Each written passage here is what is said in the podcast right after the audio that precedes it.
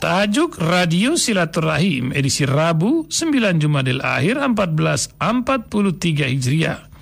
Bertepatan dengan 12 Januari 2022 diberi judul Hati-hati Troublemaker.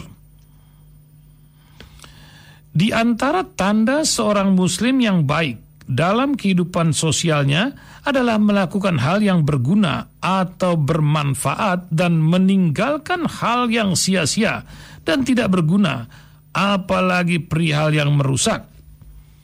Nabi Muhammad SAW bersabda, di antara tanda baiknya Islam seseorang adalah meninggalkan hal-hal yang tidak bermanfaat, yang tidak berguna baginya. Hal yang berguna di sini tidak hanya berkaitan dengan perilaku atau perbuatan, tetapi juga perkataan atau ucapan. Apalagi di era internet dan era media sosial, banyak sekali kita temukan seseorang yang di dalam perkataan-perkataannya yang tidak berguna, bahkan cenderung berbahaya dan membahayakan tidak hanya bagi diri sendiri, tetapi juga bagi orang lain di dunia nyata. Karena status yang ditulis di media sosial, misalnya terjadi perang perkataan, saling mengejek, menghina, mencaci maki, mengolok-olok dan sejenisnya, sehingga pantas disebut sebagai si biang kerok.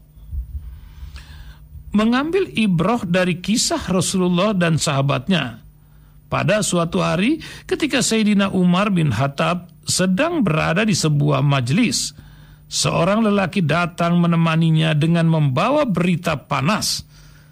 Lelaki itu mengabarkan keburukan seseorang dengan maksud agar Sayyidina Umar terpancing marah dan kemudian bertindak keras. Si lelaki itu tahu bahwa Amirul Mukminin dikenal tegas terhadap sesuatu yang sifatnya kemungkaran. Namun di luar perkiraan, Sayyidina Umar hanya duduk termenung.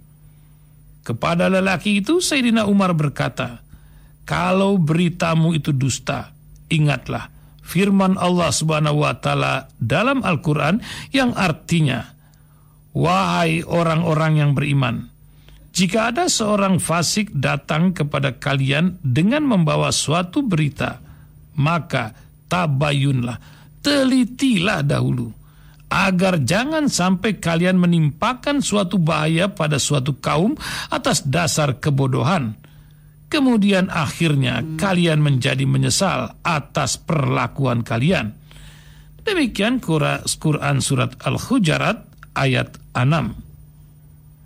Tetapi jika berita itu benar, ingatlah dengan ayat Al-Quran, surat Al-Kalam ayat 10 hingga 15 yang artinya, dan janganlah kamu ikuti orang-orang yang banyak bersumpah lagi hina, yang banyak mencela, yang kian kemari menghambur fitnah, yang banyak menghalangi perbuatan baik, yang melampaui batas lagi banyak dosa yang kaku kasar selain dari itu yang terkenal kejahatannya. Karena dia mempunyai banyak harta dan anak. Apabila dibacakan kepadanya ayat-ayat kami dia berkata ini adalah dongeng-dongengan orang-orang dahulu kala. Sayyidina Umar berkata lagi jika aku ingin memaafkanmu Jangan ulangi dan jangan kembali lagi ke sini karena itu bukan sifat seorang mukmin. Si lelaki meminta maaf dan pulang dengan perasaan malu dan hina. Kisah yang ditulis oleh Amin Al-Jundi ini merupakan pelajaran penting. Larangan membawa berita-berita yang bersifat hasutan dan mengumbar kejelekan orang. Pada saat yang sama, kaum muslimin harus selektif dan tidak gampang menerima maupun mengikuti berita yang penuh hasutan seperti itu. Jadilah muslim yang bijak dan bermanfaat.